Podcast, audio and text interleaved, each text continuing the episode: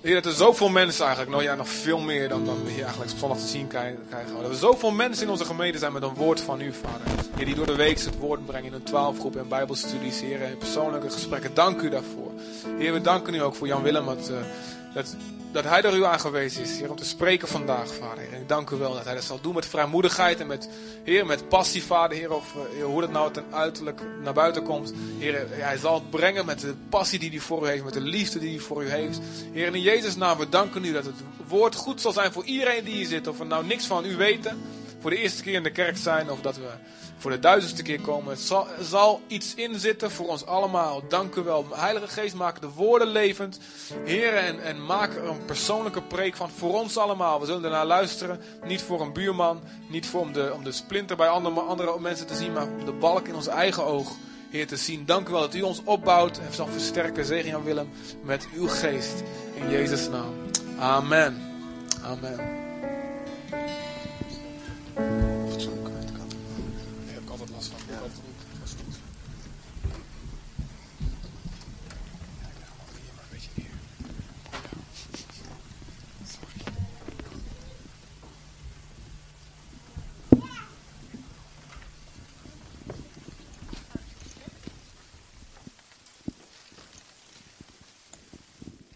Goedemorgen.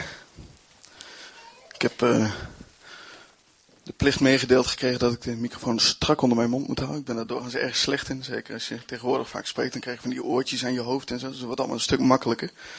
Dus uh, als ik weer zak, dan zeg het vooral even. Um, ik zie uh, dat mijn moeder ineens verdwenen is zegt al, mag ik op Juda passen? Want ik vind het eigenlijk heel spannend dat je gaat spreken. Dus ze is een beetje plaatsvervangend zenuwachtig, alleen dat werkt nog niet echt, want ik ben het ook.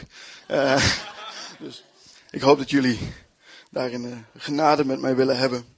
En laten we het daar vandaag nou ook net over gaan hebben. Genade werkt.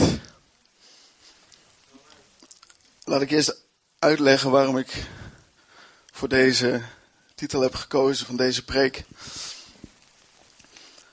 Al door de hele kerkgeschiedenis heen maar ook in mijn eigen leven, zeker de afgelopen paar jaar dat ik christen ben, dat is nu een jaar of zes, zeven, is er een, altijd een spanning geweest tussen de genade van God en onze werken.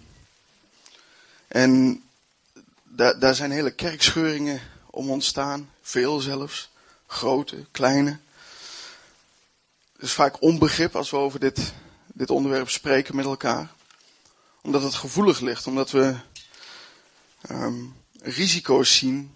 Aan de ene kant in een extreme genadeleer die zegt, eens gered, altijd gered. En als je eenmaal de genade van God ontvangen hebt, dan ben je met hem gezeten in de hemelse gewesten. Dan is dat je status. En dan zijn we bang dat mensen, als ze dat gaan denken, dat ze zeggen, oh, dan maakt het dus niet meer uit wat ik doe. En, en dat is begrijpelijk. Want dat zien we soms ook gebeuren. Aan de andere kant is er het andere extreme dat zegt, ja, maar we moeten ook werken.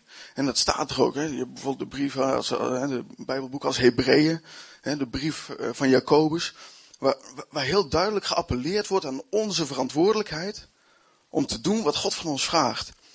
En dan lijkt het daar alsof, kijk, dat is nou fijn, dat gebeurt achter mijn rug om. Sommige dingen zijn fijn als ze achter je rug om gebeuren. Um, waarin, uh, en, dan kan er de, de, de, neiging ontstaan alsof we het weer volledig allemaal zelf moeten bewerkstelligen. Onze verstandhouding met God tot uh, zijn doel komen met ons leven, met onze gezamenlijke levens. Kijk, nu nog water.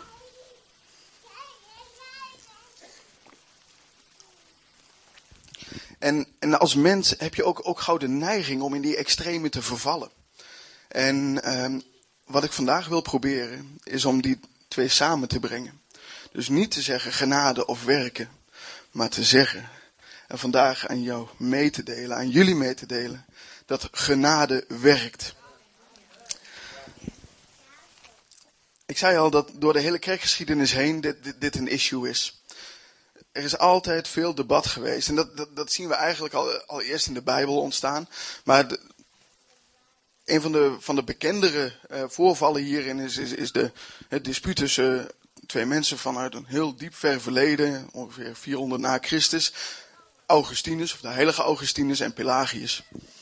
Waarin Augustinus, die, die tot geloof kwam uit een leven vol van zonde en, en, en, losbandigheid. En die geraakt werd door de, zonde, uh, door de genade van God.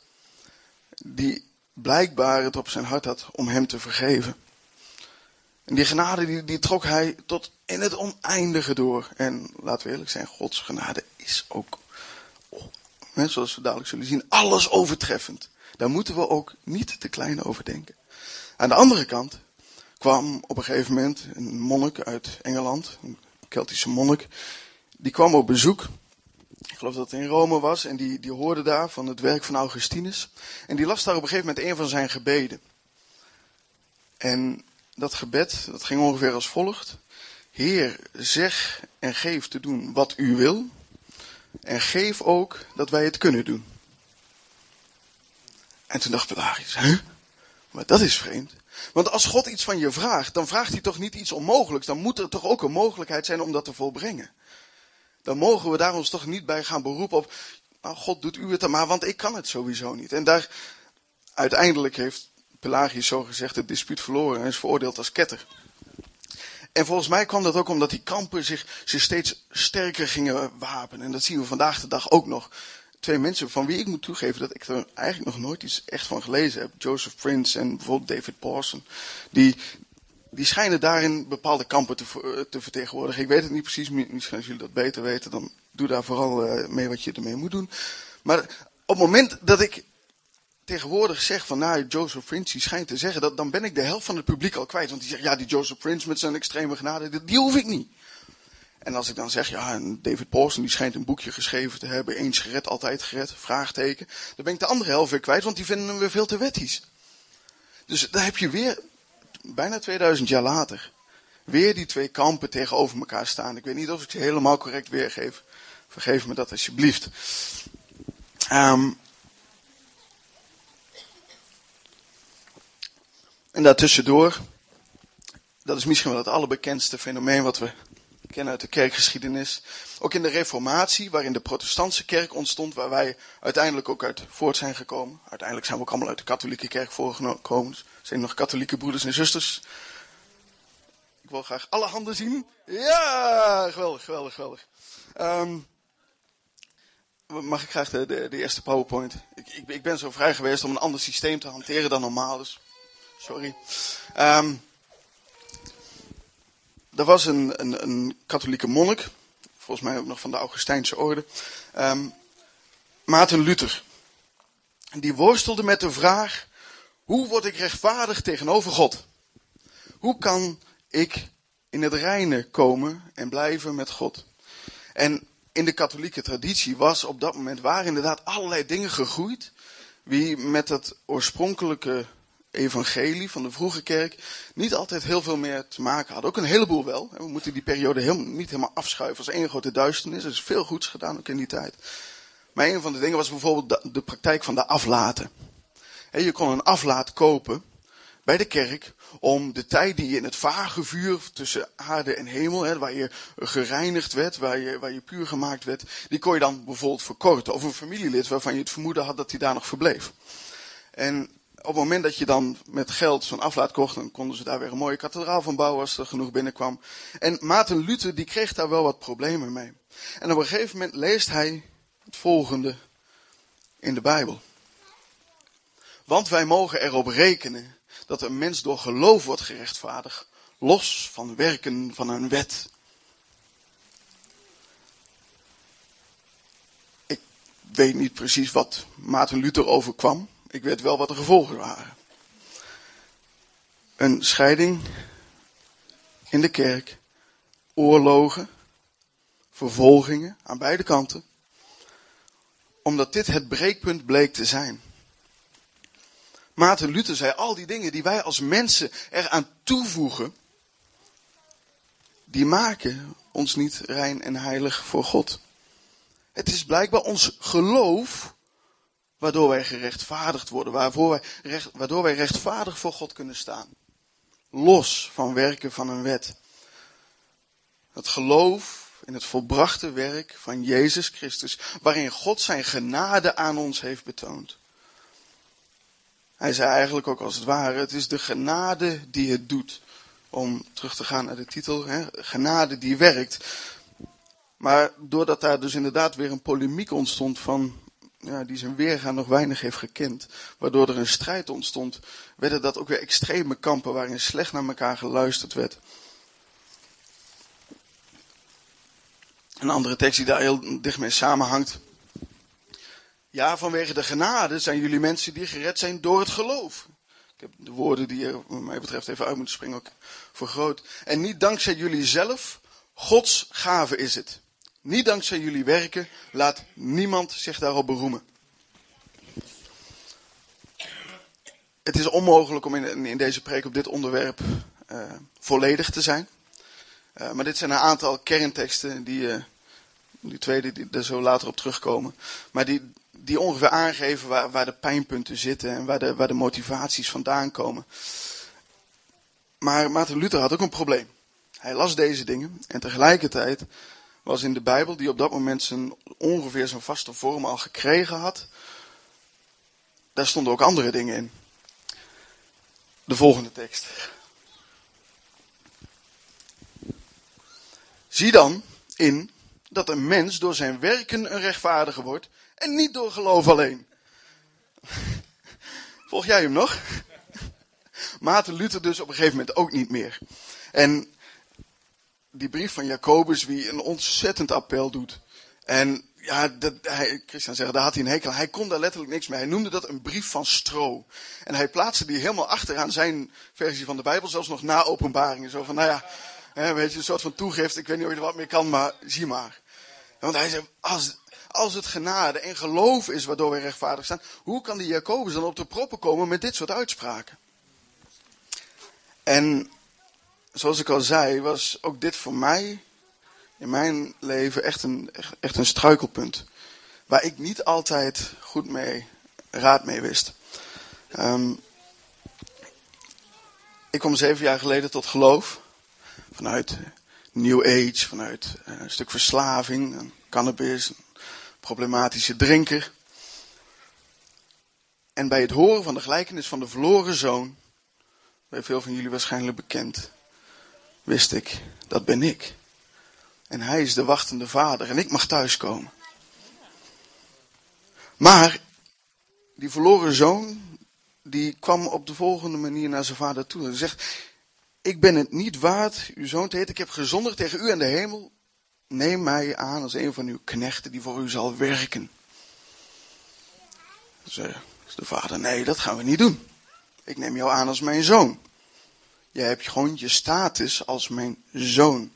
En niet die van een dienstknecht die ik moet beoordelen op wat hij wel of niet doet.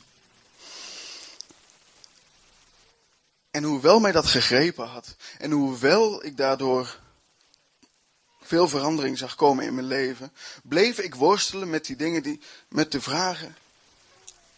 Ja, maar wat, wat heeft het dan nog te betekenen, wat, wat ik wel doe? En ik heb dat, ik, ja, ik kan niet zeggen dat ik daar zwaar onder gebukt ging, maar ik was er ook zeker niet vrij van. Ik heb dat nooit helemaal af kunnen werpen. Dat idee dat als ik gezondigd had of als ik iets fout deed, dat het meteen mis was tussen mij en God. En dat hou je dan vaak een beetje voor je, want zo'n God wil je zeker als je ergens van getuigt niet promoten. Zo'n God die, zo'n wispelturige Griekse God die, die dan weer daar een bliksem eruit gooit en dan daar omdat hij, omdat hij het niet eens is met wat iemand doet. Wij willen een beeld neerzetten van een genadige God, omdat we ergens weten dat hij dat is. Omdat we ergens, ook al is het soms nog maar heel pril, en hopelijk bij veel van jullie heel groot, weten dat hij een onovertroffen, een alles overtreffende genade voor ons klaar heeft liggen.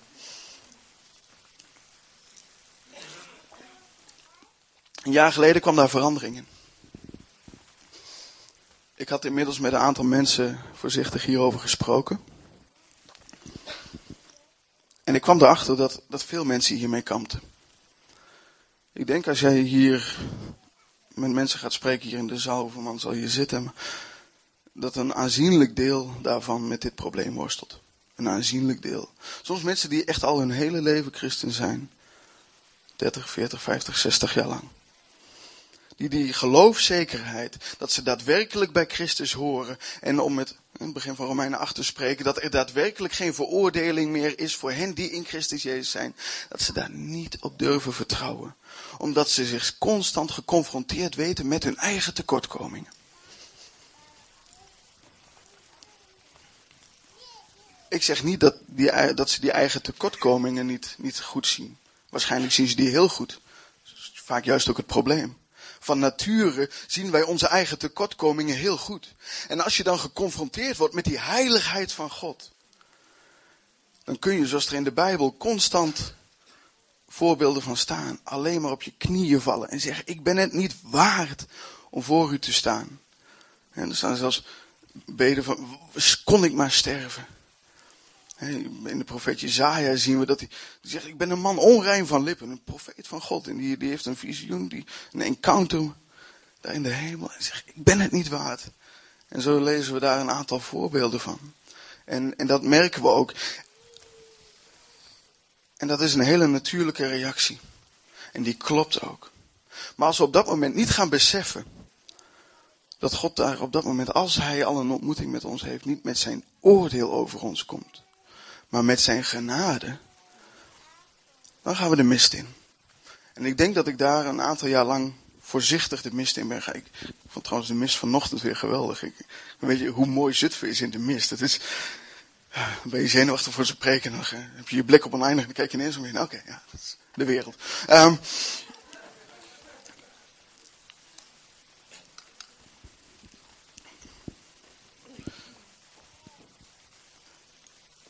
In deze wereld waarin wij leven, word je namelijk afgerekend op wat je doet en op je tekortkomingen. En dat doen we zelf ook naar anderen. Dat, is, dat zit in onze natuur ingebakken. Je wordt beoordeeld op je goede cijfers. En dat gebeurt op het moment dat je naar school gaat. Je moet presteren. Maak je de som goed, krijg je een krul. Maak je de som fout, krijg je een streep. En al heel vroeg, en ik, ik zeg niet dat het onderwijssysteem verkeerd is, is simpelweg hoe we het doen. Um, daar ontstaat bij heel veel mensen de indruk dat als ik het maar goed doe, dan zal ik ook wel goed zijn. En zo behandelen we mensen ook. Mensen tegen wie we opkijken. Omdat ze goede dingen doen, omdat ze grote prestaties neerzetten. Of dat nou topsporters of zakenmensen of, of, of weldoeners zijn. Daar kijken we tegenop. Maar zij die niet zo'n mooi plaatje van neerzetten, daar kijken we op neer. En zo kijken we ook naar onszelf. Dat waarin wij zelf vinden dat we het best goed doen, dan zijn we best tevreden over onszelf. Maar als wij geconfronteerd worden met onze tekortkomingen, laten we eerlijk zijn, dat worden we allemaal. Sterker nog, als dat nog niet is gebeurd, dan hoop ik dat vandaag daar het eerste moment in mag zijn. Niet om je de grond in te trappen, maar om een reality check te geven. Over hoe genadig God daarin wil komen. En wil zijn. En wil zeggen, ik, ik ken je ongerechtigheden. Maar ik ben niet uit op jouw veroordeling. Laten we alsjeblieft het beeld van God loslaten. Die zoekt naar onze fouten en onze tekortkomingen. Met een vergrootglas op zoek is naar iets om ons op te pakken en te veroordelen.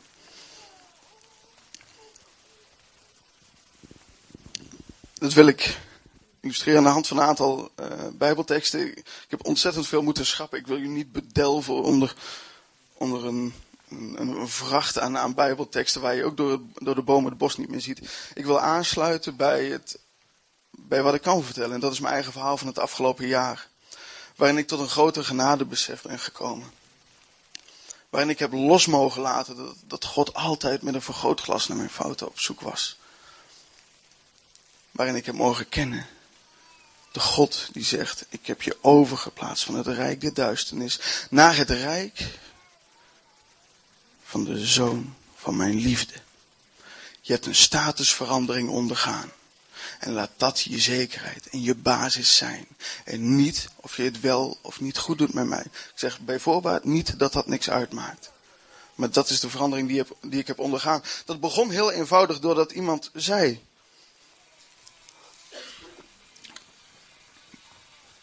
Goeie muziek, hè? Kijk, daar hou ik nou van. Fijne onderbreking. Um, ik hoorde dat zeggen. Jouw status is die van vergeven. Jouw status is die van een vergeven iemand. Van een vergeven persoon. En ik wist toen ik dat hoorde, dit ervaar ik helemaal niet zo. Ik ervaar helemaal niet dat mijn status ook daadwerkelijk die is van iemand die vergeven is en die niet hoeft te vrezen voor dat oordeel van God. Ik zei tegen degene die op dat moment bij me was, ik zeg van, ik, volgens mij moet ik hier iets mee, volgens mij moet ik hiermee aan de slag, ik weet nog niet wat. Maar het resoneerde bij mij ergens, maar het kwam, het ook tegen een muur aan. Het kon op een gegeven moment ook niet verder. En gaandeweg begon zich dat te ontvouwen. En ik heb getwijfeld of ik deze lichtelijk schaamtevolle anekdote moet vertellen. Ik ga het toch doen. Um, ja, dat vind je leuk, hè? Ja. Um, op een gegeven moment. Um, ik was in een, in een kringloopwinkel op zoek naar uh, wat boeken. Altijd een plank met godsdienst. En er staan wat leuke theologische of getuigenissen, theologische werken of getuigenissen tussen. En ik, ik was zo aan het kijken en denk van, ah, babypoeder, melk. Oh, dat is wel wat vast voedsel. Ah, heeft iedereen al, doe ik niet. Weet je? En ergens merkte ik dat ik op zoek was naar, naar iets bijzonders. Iets waardoor ik een beetje hoger stond misschien. Iets iets wat mij iets meer aanzien gaf. Heel veel te maken heeft met het feit dat je het goed wilt doen. Dat je meer wil zijn. Dat je voor God en voor mensen meer wil zijn dan eigenlijk dat kleine mannetje wat je misschien diep van binnen gewoon heel erg bent. En terwijl ik dat door had, kocht ik een boekje van Thomas A. Kempis. Eh, de navolging van Christus. Nederlandse monnik die nou, voor zijn kloosterorde een hele nou ja, een heel patroon opstelde van dingen die je wel en niet zou moeten doen en waar je wijs en waar je dwaas aan doet. En op een gegeven moment, ik stap terug in de auto en ik sla het boekje op. Ik denk, laat, laat eens kijken wat meneer Kempis mij te vertellen heeft. En ik sla hem open op de pagina.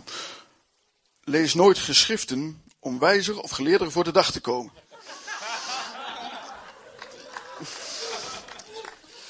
nou, ik kan er nu om lachen, maar ik, ik kroop in één achter het stuur. Het was alsof Godsgeest, nee, steek nog, ik denk dat het Godsgeest was, die echt in mijn binnenste binnen probeerde te dringen. Hou op! Dit heb je niet nodig, doe het niet.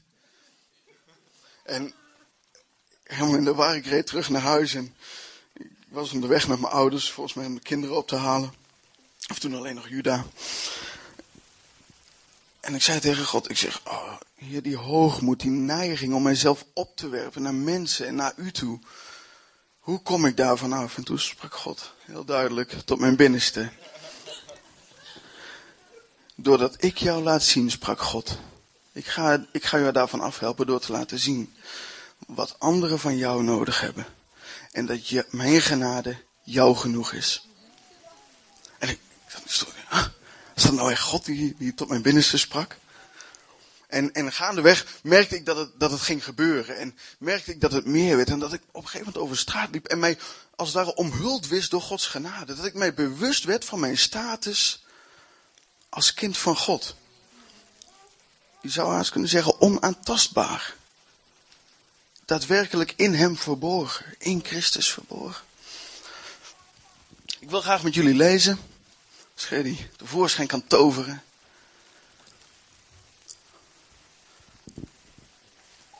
Ja, plop.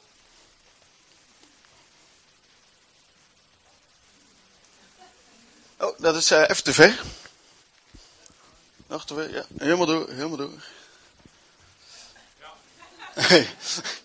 Ah, oké. Okay. Sorry, mensen, dag. Ja.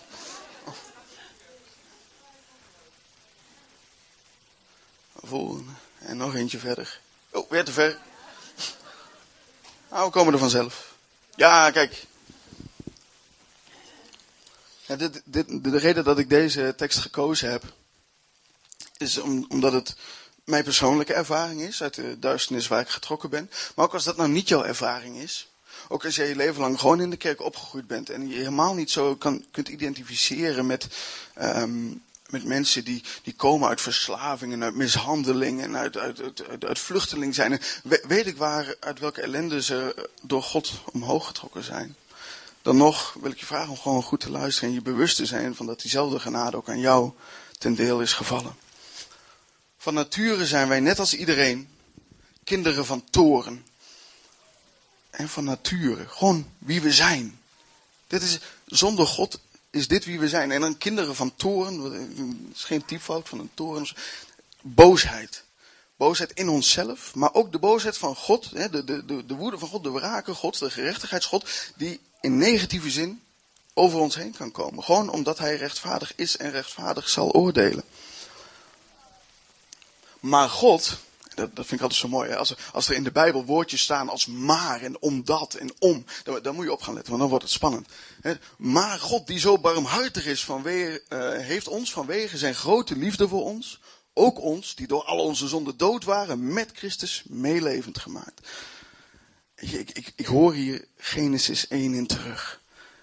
Waarin je ziet dat het, het plan van God altijd hetzelfde is geweest. Waar staat, in den beginnen schiep God de hemel en de aarde. De aarde nu was woestheid en warboel. Maar, weer dat woord maar, de geest van God zweefde over de wateren en hij zei, er komt licht en er kwam licht in die duisternis, in diezelfde duisternis als wij hier spraken van is, daar is God altijd op zoek. Niet om die duisternis nog maar te uh, verder te bevestigen en dieper in je te drukken, maar om daar licht in te brengen en je daaruit te verlossen. Dat is Gods hart in alle tijden. Zijn grote liefde voor ons, ook ons die door al onze zonden dood waren. Hey, maar wacht even, zoals wij hier zitten, de meeste van jullie, ik voel mezelf op het moment niet helemaal springlevend, maar ik hoop dat het voor jullie anders is. Zijn wij dood dan? Nou, precies. Die door al onze zonden dood waren. Dan spreken we al, Maria hier die spreekt vanuit de wetenschap dat ze een gekochte en betaalde dochter van God is. Maar wat als we dat nou niet zijn? Zijn we dan daadwerkelijk dood? Nou, om het simpel te zeggen zou je kunnen zeggen, nou op sterven naar dood. Je hoeft alleen nog maar dood te gaan en dan in, voor hetzelfde ja, je bent eigenlijk in diezelfde status. Het ene is waar je naar onderweg bent en het andere is het einde. Een mooi Engels gezegde zegt: Remember that it's not the fall that kills you, it's the moment when you hit the ground. Um, bedenk je dat het niet de val is waardoor je doodgaat, maar het moment dat je de, de grond raakt. En niet sarcastisch bedoel, maar het geeft aan dat je onderweg bent naar hetzelfde. Dus ja, wat is er voor een groot verschil tussen de val en het moment dat je de grond raakt. Nou, er is een verschil tussen. Namelijk dat er een vangnet tussen gestoken kan worden van Gods liefde. Die zegt, ik weet waar je nou onderweg bent, maar ik wil niet dat jij die grond raakt. Ik wil niet dat jij de status waarin je verkeert, die dode status, waarin je eigenlijk alleen nog maar hoeft te sterven, ook daadwerkelijk zult voleindigen en verloren zult gaan. Vanwege de genade, daar heb je het weer, zijn jullie mensen die gered zijn. Hij heeft ons samen met hem laten opstaan en een zetel gegeven in de hemel. Dan heb je weer die statusverandering. Eerst wordt beschreven dat we dood waren en vervolgens worden we overgezet, metaforisch gesproken, naar een plek in de hemel. Dat is onze nieuwe status. En laat me je verzekeren, de hemel is niet een plek waar je, leert ook de Bijbel ons, waar je gemakkelijk uitvalt. er staat van, van een wellicht nog nader te benoemen persoon, dat hij wel als een bliksem uit de hemel viel. Maar daar was wel wat voor nodig. Dat was de vijand, de Satan. We zijn overgeplaatst en we hebben een zetel in de hemel. Hij heeft ons doen opstaan uit die doodstoestand. Om in de eeuwen, heb je weer een woordje om. Om in de eeuwen die komen de alles overtreffende rijkdom van zijn genade te laten zien. Door zijn goede tierenheid over ons in Jezus Christus het, het houdt daar dus niet bij op. Het gaat er dus niet alleen maar om, om jouw persoonlijke, jouw arme zieltje te redden van die doodstoestand en jou over te brengen naar de hemel.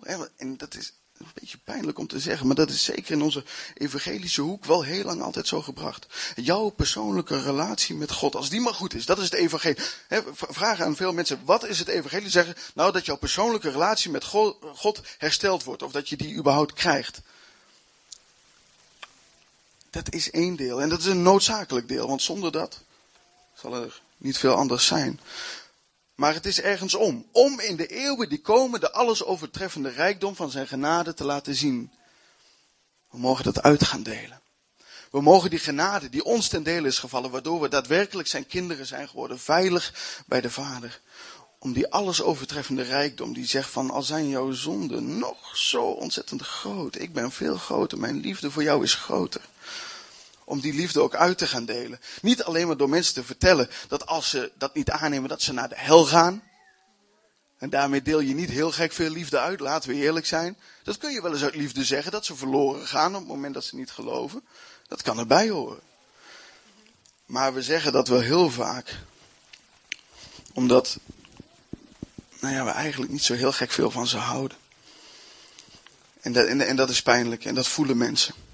Ik heb het afgelopen jaar met zoveel mensen gesproken die de kerk of verlaten hebben of op het punt staan ze te verlaten. En een van de thema's die steeds terugkeert is het oordeel dat we over hen hebben uitgesproken als christenen. Als vandaag dit allemaal voor jou gesneden koek is, dan is dit het misschien nog niet. Wees hier zo ontzettend voorzichtig mee, mensen. Want we staan bekend als veroordelend en aanmatigend als christenen. En dat is niet het getuigenis dat die wereld ingezonden moet worden in de eeuwen die komen zouden. Er is een tijd geleden, hoorde ik uh, Shane Claiborne, misschien jullie wel bekend, over spreken. Een onderzoek geweest door de Barna Research Group over de perceptie, de, de indruk die mensen hebben, niet-christenen hebben van christenen. Op punt 1, ze zijn anti-homo. ja, sorry, ik heb het niet verzonnen, maar dat is hoe mensen over ons denken. En dat zullen ze waarschijnlijk ergens ook vandaan halen. Wel een Amerikaans onderzoek, dus ik zal niet zeggen dat het 1, 2, 3 over te plaatsen is hier naartoe. Ik denk dat er pijnlijke overeenkomsten zijn. Nummer 2, ze zijn veroordelend, judgmental. Dus wij hebben helemaal blijkbaar van nature, of niet de neiging in eerste instantie om die genade en die liefde van God te laten zien. Misschien als individu wel, maar als kerk hebben we daar nog een, een hoop te winnen. En punt drie, we zijn hypocriet. Shane Claiborne zegt dan vervolgens, we got a little bit of an image crisis. We hebben een beetje een identiteitsprobleem. En, en, en ik denk dat we daar iets aan kunnen veranderen. Aangenomen dat dit klopt, dat dit waar is wat hierover naar buiten is gekomen. Doordat we zelf een dieper besef van genade gaan krijgen. Doordat de genade die aan ons is toebedeeld, die op ons van toepassing is geworden, dat we die genade ook willen gaan uitdelen naar anderen. En niet het oordeel dat zegt, ja, maar je doet dit verkeerd. En je, en je, gaat, je, je hebt zo'n levensstijl. En hè, je, hebt, je houdt er die gewoontes op na. En je ziet er zo uit. En je gaat niet naar die en die kerk. Dat is gelukkig tegenwoordig minder aan het worden. Maar zelfs daar mogen we ook volledig afscheid van nemen. Het feit dat je bij een bepaalde kerk moet horen om niet verloren te gaan in een extreem geval, maar in ieder geval bij het echte volk van God te horen. Hij wil dat we dat laten zien door zijn goede tierenheid over ons in Jezus Christus. Door wat ons in Jezus Christus ten deel is gevallen. Goede tierenheid, zijn, verbond, zijn verbondstrouw. Zijn, de trouw die God voor ons heeft en aan ons heeft. Die mogen we laten zien en uitdelen. Um, nu komen we bij een tekst waar Maarten Luther heel blij mee was. En die komt hier direct achteraan. Ook in de Efezebrief. Nou, vers 8 en 9. Want hij heeft dat gezegd, dat het door de genade is dat je die positie in de hemel hebt gekregen. En Paulus, die de brief schrijft, die krijgt daar geen genoeg van. Dus die, oh, die komt daar nog een keer overheen. Geweldig, geweldig hoe hij dat doet. En dan zegt hij, ja, vanwege de genade zijn jullie mensen die gered zijn door het geloof. En dat niet dankzij jullie zelf. Gods gave is het. Niet dankzij jullie werken, Laat niemand zich daarop beroemen. Niets in ons is de oorzaak van het feit dat God dit met ons voor heeft. Eigenlijk zeg ik dat verkeerd. Niets van ons. In ons wel. Dat bedenk ik me nu ineens. Dat want wat in ons ligt, is de waarde waarmee, hij ons geschapen heeft. De waarde die, hoe besmet ook, niet te ontkennen valt. Hoe verduisterd ook, altijd weer omhoog gebracht kan worden en waar we elkaar altijd erkenning voor moeten geven. Omdat we de kroon op zijn schepping zijn. Daarvoor lazen we ook vanwege zijn grote liefde voor ons. Ja, dat was dus op het moment dat je al in die verdorvenheid was. Toen zag hij die waarde in jou, toen had hij die liefde voor jou. Ja, we waren verdorven, maar hij zag die waarde. Veel christenen lopen rond met het idee dat ze niks waard zijn. dat ze zeggen van het, dat is een ander extreem van, van de genade dispuut, om het zo maar te zeggen, van die discussie rondom genade. Als het dan allemaal van God komt, dan sommige mensen hebben de, de neiging om daar gebukt onder te gaan en te zeggen, ik ben niks waard. En ik, ik hoorde laatst iemand dat maggot theology noemen. alsof je een made bent die, die maar ergens onder gebukt gaat. Ik ben niks waard. En ik... Nee, je bent het wel waard. En daarom juist is ons dat ten deel gevallen in Jezus Christus. Maar niet dankzij onze werken. Laat niemand zich daarop beroemen. Door de genade zijn we wie we mogen zijn in Christus Jezus. We hebben het niet aan onszelf te danken. En hoewel we dat met de mond waarschijnlijk zullen beleiden, zijn er vaak dingen in ons hart die dat toch wel naar neigen. In ieder geval in dat voor mij nu nog steeds. Maar zeker dus in die, in die afgelopen jaren waarin ik hier zo mee worstelde. Omdat ik dus dacht dat ik het zelf alsnog moest verdienen. Of in ieder geval moest behouden. Zo, als ik maar niet uit de genade val. En zo benaderen we dus die mensen van wie we net gehoord hebben hoe ze over ons denken. Soms ook. alsof, ze, alsof het maar dwazen zijn omdat ze simpelweg niet in God willen geloven. In sommige gevallen is dat zo. Maar ik ben er erg voorzichtig mee geworden. Ooit wel eens tegen iemand gezegd, niet om nu de zweep over je rug te halen, maar ooit wel eens tegen iemand gezegd, alleen een dwaas zegt dat er geen God is? Staat in de Bijbel, toch? Nou, het gaat misschien te ver om daar nu direct op in te gaan. Maar dat, dat vers in spreuken gaat eerder over iemand die wel een godsbesef heeft, maar wie dat heel slecht uitkomt. En zegt van, ja, ik heb eigenlijk zin om slechte dingen te doen. En ik wil eh, anderen uitbuiten. En ik, ik, ik, ik heb het niet goed met anderen voor. Dus ik doe maar net of er geen God is. Dat is dwaasheid. Simpelweg niet geloven in God. Omdat je die openbaring nog niet ten dele is gevallen. Dat is geen dwaasheid. Als we dat dwaasheid zouden noemen, dan ontkennen we eigenlijk dat we daadwerkelijk Gods genade nodig hebben om te ontvangen wat we ontvangen hebben dan hebben we de neiging te zeggen dat die, die speciale, die specifieke openbaring van God eigenlijk niet nodig is, omdat we het misschien zelf wel ook tot dat inzicht zouden kunnen komen. Mensen die heel erg zitten op de, op de radicale genadelijn, die, die, die smullen van dit vers. Die zeggen, want het is allemaal niet uit ons en het is Gods genade, dat was het, dat is het en dat zal het ook altijd zijn. En dat ben ik met ze eens. Alleen, we moeten niet vergeten dat, ja, de Efezebrief, zeker hoofdstuk 2, stopt niet bij vers 9. Het, het doelpunt, zo zou ik het willen zeggen, wordt gescoord in vers 10. Mag ik dat zien? Het was onbedoeld geruimd, heel flauw. Um, want zijn maaksel zijn wij in Christus Jezus geschapen voor goede werken. Die God heeft voorbereid opdat wij ze zouden volbrengen. Zie je wat er gebeurt? Dus niet door goede werken, maar voor goede werken. Dat is hoe, hoe het omgedraaid wordt. Weet je, God, heeft een beroemde theoloog ooit gezegd, is die ganz andere. Hij draait alles om. Waar wij als mensen denken, ja, we, hebben het allemaal aan onszelf te danken en zie mij. Daar zegt God, nee, niet daardoor, maar wel daarvoor. Het zijn niet jouw goede werken die het bewerkstelligen, maar jij bent mijn werk, mijn maaksel. Dat is een, een woordenspel, ik zal er nu niet te ver op ingaan, maar het zijn allemaal woorden als maken, werken, geschapen, voorbereid en volbrengen. Je ziet daar één grote dynamiek van Gods activiteit, zou ik willen zeggen. En Hij is degene die het doet en wij mogen het volbrengen. Vanuit die genade, vanuit dat radicale genadebesef.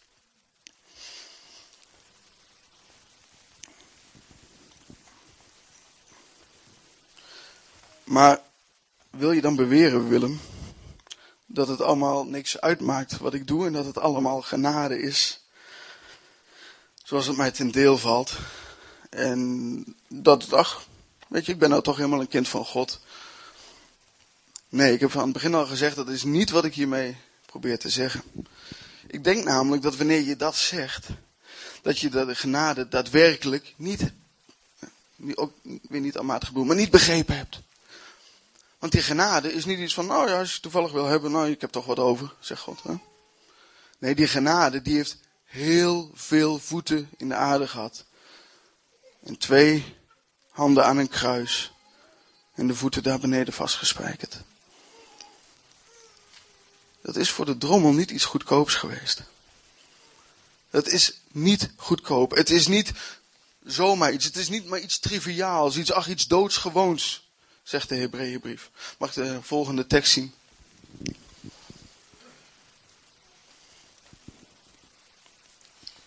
Daar komt meteen een probleem om de hoek kijken.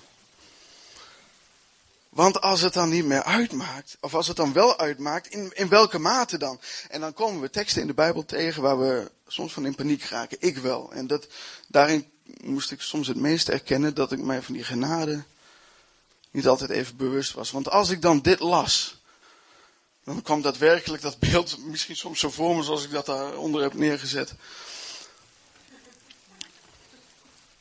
Want als wij moedwillig zondigen nadat wij kennis van de waarheid, dus de kennis van de waarheid die Jezus Christus is en de genade die in hem ons ten deel is gevallen, aangenomen hebben, is er geen offerdier voor de zonde meer over. Link naar de oude Mosaïsche wet, gaan we nu niet op in.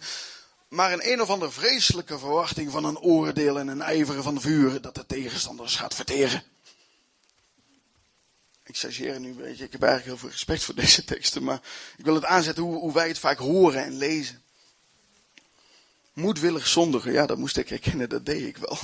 Want ik wist vaak, mag ik zeggen, donders goed waar ik mee bezig was. Ik kan niet altijd zeggen dat ik de indruk had dat ik er heel veel aan tegen kon houden. Verschilde van tijd tot tijd, maar ik wist het heel goed. En zo zijn er nog, een, nog meer van die teksten, onder andere die teksten in Jacobus, die zeggen van ja, het zijn wel onze werken waardoor je rechtvaardig wordt. En op goede momenten kon ik het dan wegdrukken en zeggen, nou ik weet het niet. Maar op slechte momenten maakte mij dit knap onzeker. In de eerste anderhalf jaar van mijn christen zijn heb ik soms wekenlang, soms met intervallen, last gehad van de gedachte dat het voor mij te laat was. En weet je dat ontzettend veel christenen die gedachte bij zich dragen. Dat ze de, bijvoorbeeld de Heilige Geest gelasterd zouden hebben, de zonde die waarvoor geen vergeving bestaat, nu niet en in de toekomende eeuw niet. Zoals het in het Nieuwe Testament te lezen valt. Woorden van Jezus, notabene. En op het moment dat je dus een, dat, dat je focus en je begrip over, over zijn genade niet helder is, dan is dit best gevaarlijk. Dan kunnen mensen hier depressief voor raken. Ik, ik, ik ken persoonlijk iemand die, die komt niet meer in de kerk omdat hij dit gelooft. Het is zo tegenstrijdig als wat. Want juist als je je daar zorgen over maakt. Juist als jij het serieus neemt met jouw verstandhouding tot God.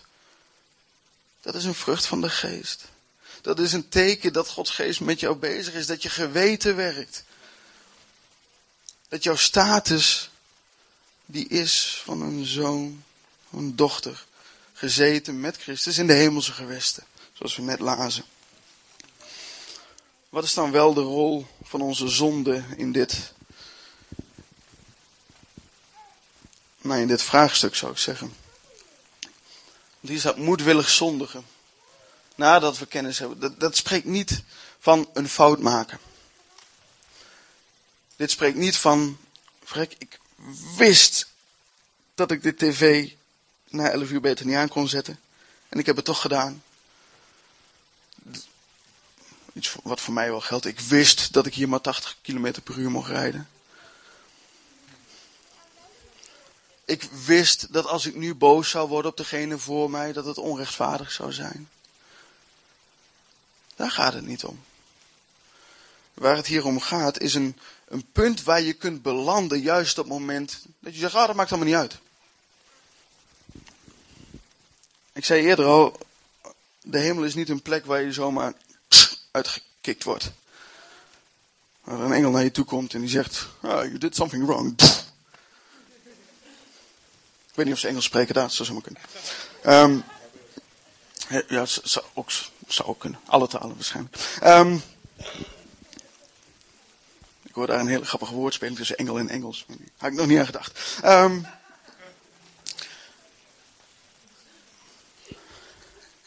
op het moment dat jij daadwerkelijk niet serieus bent met jouw zonden, dan kun je tot een punt komen. En daar gaat eigenlijk de hele Hebreeënbrief ook over. Ik, ik, heb ik heb dat kolos, zou ik haast zeggen. Vorige week in één stuk doorgelezen, zonder notie te hebben van de verzen. Een Bijbel genomen waar de verzen niet in aangeduid stonden. En hardop die hele Hebreeënbrief doorgelezen. En dan zie je dat het één grote aansporing is om hier niet toe te komen. Dat het niet één grote bedreiging is dat je hier nu ongeveer zo al zou zitten. Maar dat het zegt van als er dan druk is, als er dan verleiding is, als er dan pressie is die jou wil hebben op dat punt waarvan je zegt ik keer God de rug toe, want daar hebben we het hier over. Over deze moedwillige zonde. Het Oude Testament noemen ze dat zon, zondig met opgeheven hand, bewust rebelleren tegen God en hem de rug toekeren. En, en geloof me, daar, daar kom je niet heel gemakkelijk. Zeker niet als je het serieus neemt met God.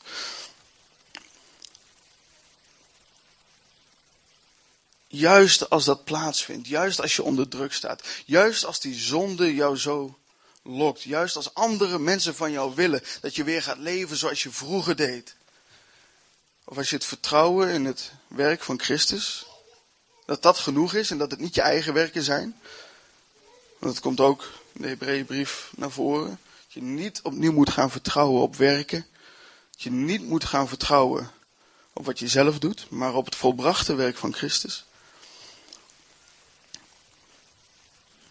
Ik hoop dat ik je daarmee iets een verlichting kan geven. Dat het dus niet gaat om een fout die je maakt. Maar over het moment dat je, dat je, dat je God de rug toekeert en zegt: ik, ik wil je niet. En dat is een punt waarvan ik geloof dat we daartoe kunnen komen. Zoals ik al zei, niet gemakkelijk. Niet eenvoudig. Dat is een heel traject en wellicht nog zwaarder traject dan je geloof behouden. Um, maar ik geloof dat het mogelijk is. Ik zou niet weten waarom er anders passages staan die, daar, die daarop duiden, maar Kijk ook vooral zelf wat je daarvan vindt in de Bijbel en wat je, daar, wat je daarin tegenkomt. Als je daarin met me oneens bent, dan hoop ik dat je zo genadig bent om mij dat te komen vertellen. Dat we daar gewoon samen over kunnen praten en dat je me wellicht iets vertelt wat ik nog niet weet. Daarmee wil ik eigenlijk zeggen, laten we niet opnieuw van die disputen gaan veroorzaken. Maar gewoon die verschillende inzichten die er op sommige punten kunnen bestaan, met elkaar bespreken.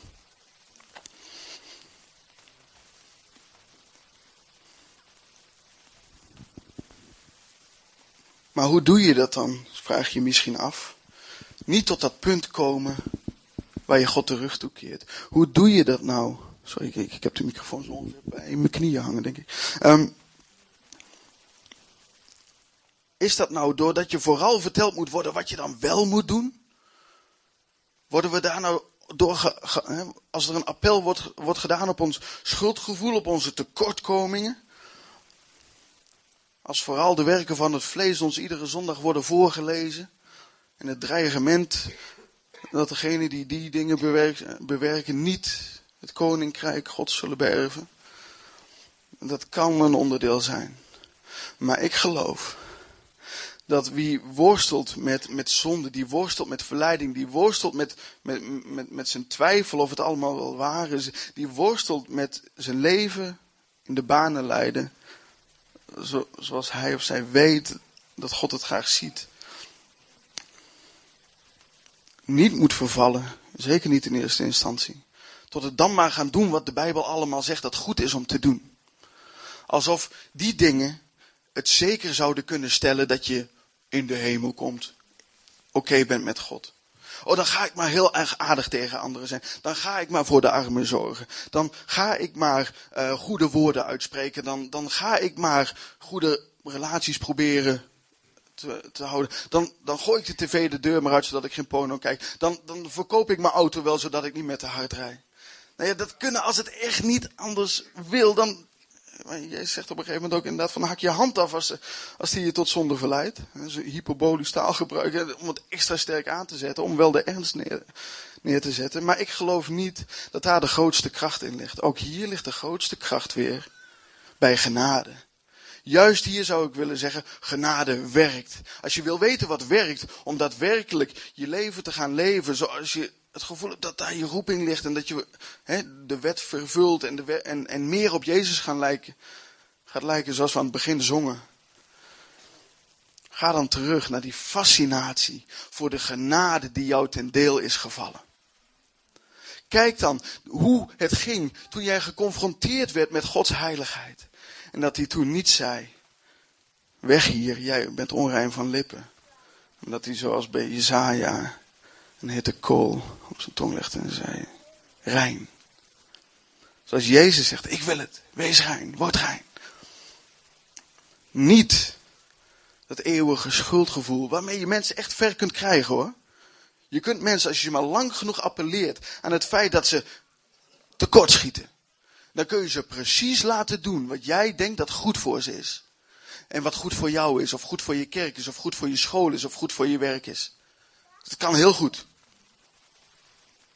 Maar ze zullen daarmee nooit in de vrijheid komen.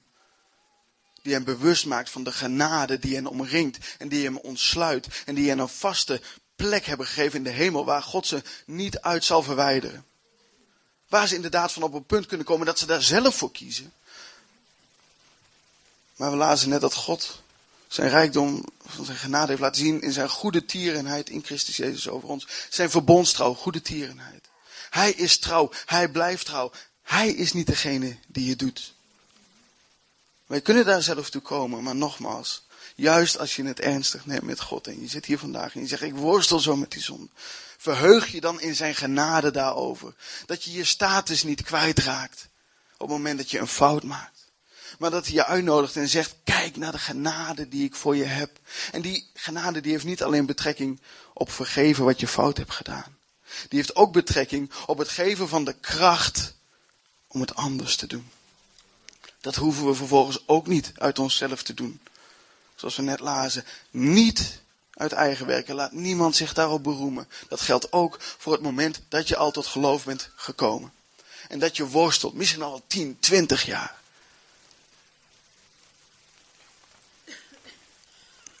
Die genade van God heeft mij zo gefascineerd het afgelopen jaar. Dat hij niet op zoek was naar mij te veroordelen. Maar dat hij mij juist met al mijn tekortkomingen een plek heeft gegeven in de hemelse gewesten. Dat hij met al mijn tekortkomingen heeft gezegd, je bent een zoon en geen slaaf. Ga niet meer gebukt onder het juk van een wet die je jezelf oplegt of laat leggen. We hebben daarin ook een verantwoordelijkheid naar elkaar toe. Die genade die heeft mij daadwerkelijk veranderd. Eerder zou ik bang geweest zijn dat als ik daadwerkelijk ging vertrouwen op die genade, dat ik waarschijnlijk een een of andere zondig wezen zou worden. Nou, ik kan niet zeggen dat ik, ik durf niet van mezelf te zeggen, ah, ik ben zoveel beter geworden, maar dat is in ieder geval niet gebeurd. Sterker nog, als ik de mensen om mij heen geloven moet, dan ben ik wat prettiger om mee om te gaan geworden. Omdat ik inderdaad niet die wetten iedere keer over me heen heb en die vervolgens ook op anderen gaat toepassen, want dat is wat je gaat doen. Want wat op jou van toepassing is, is ook op die ander van toepassing, toch? En als de genade op voor jou van toepassing is, dan wil je ook dat die genade op die ander van toepassing is. En dan ga je het uitdelen. En zo krijgt die wereld in de eeuwen die komen, zouden te zien wat de alles overtreffende rijkdom van zijn genade is. Niet door te zeggen wat we fout doen en dat als je het fout doet, dat je meteen verloren bent. Nee, maar juist op het moment dat jij je bewust bent. Ik denk niet dat het fout is om hierover in herhaling te vallen. Juist als jij je bewust bent van het feit dat je klein en nietig bent voor God en dat Hij zegt, joh, ik til je hoog op een rots. Die waarde die jij in je hebt, waar jij je niet eens van bewust bent, dat is het enige wat ik aan jou wil bevestigen. Jij hebt die waarde. En ik wil tot mijn doel met jou komen, maar niet alleen individueel zoals we net zagen, maar met zijn hele volk, het hele volk van God, met zijn gemeente, wil hij tot dat doel komen. En weet je wat nou grappig is? Ik heb even getwijfeld of ik dit erin moest gooien of het niet te verwarrend zou zijn. Maar ik denk dat het wel gaat. Um, dat doel van God is, uh, is eigenlijk heel bepalend hierin. Weet je namelijk dat zonde vanuit het Grieks letterlijk vertaald betekent het missen van je doel? Dat, als ik het correct uitspreek, armatea, geen deel hebben aan het miss, missing the mark. Dat is wat er gebeurt als wij zondigen. Dat is niet het, simpelweg een regeltje overtreden omdat het een regeltje is. Maar op het moment dat jij steelt, dan kun je zeggen van nou, dan stop ik met stelen. Maar het doel wat God met jou heeft is dat je een gever bent. Dus niet alleen het niet stelen, maar ook het niet geven, zo kun je dan bestempelen als zonde. En waarom? Omdat je niet tot je doel komt. En naar welk doel ben je wel onderweg? Ben jij onderweg en zijn wij met z'n allen onderweg naar het doel dat God met ons heeft? Of gaan we gebukt onder een zonderlast die ons blokkeert tot dat doel van God te komen? Dat doel van God waarin de gemeenschap tussen Hem en mensen, tussen mensen onderling en de hele schepping hersteld wordt door Zijn genade. Zijn we ons bewust van dat doel? Als je dat voor ogen gaat krijgen, gefascineerd door die genade, dan zul je dat ook gaan doen.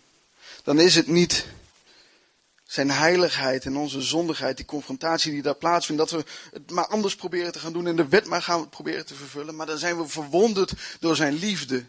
Dan kijken we naar hem vanuit genade, naar zijn liefde voor ons. En dan worden we daardoor veranderd. En de Bijbel staat een aantal plekken, ik heb ze hier niet, niet staan. Dat wanneer we naar God kijken, dat wanneer we naar Jezus kijken, dat we veranderd worden naar datzelfde beeld. Omdat het zo fascinerend is, dat het ons totaal doordrengt. Stukje bij beetje, ja dat is een proces. Maar dat is hetgeen wat ons doordrengt. Bewustzijn van zijn genade, bewustzijn van zijn liefde. Dat kweekt ontzag voor God. Ik wil met jullie afsluiten met een tekst die afgelopen vrijdag uh, tijdens, een, tijdens een overdenking op, op school voorbij kwam. En ik, wat ik daar las, ik denk, ja, weet je, zo'n bevestiging dat het in het Oude Testament, waarin alles opgesloten lijkt onder die vreselijke crumpy wet.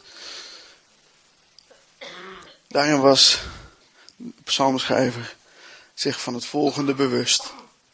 Als u, Heer, de zonde in gedachten houdt, blijft niemand overeind, o Heer. Dan hebben wij inderdaad geen kans om voor God te blijven staan. Maar bij u is vergeving. En daarom heeft men zo'n eerbied voor u.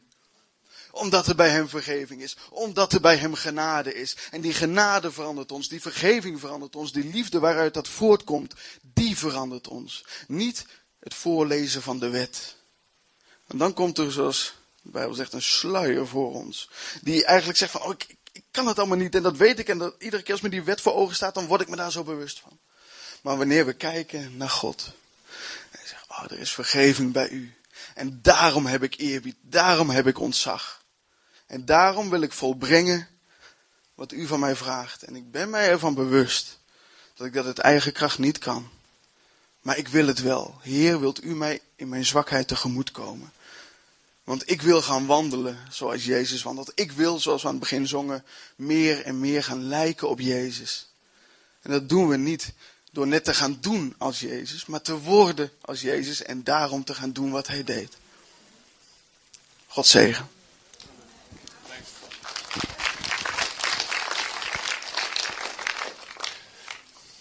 Amen. Zullen we staan, zullen we zingen, door uw genade, Vader, mogen wij hier binnen gaan.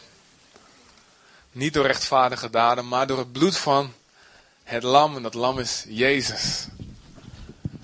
Nooit konden wij zonder zonde voor u staan. Maar door uw zoon zijn wij schoon. Het bloed van het lam. Heel funky geluid was dat.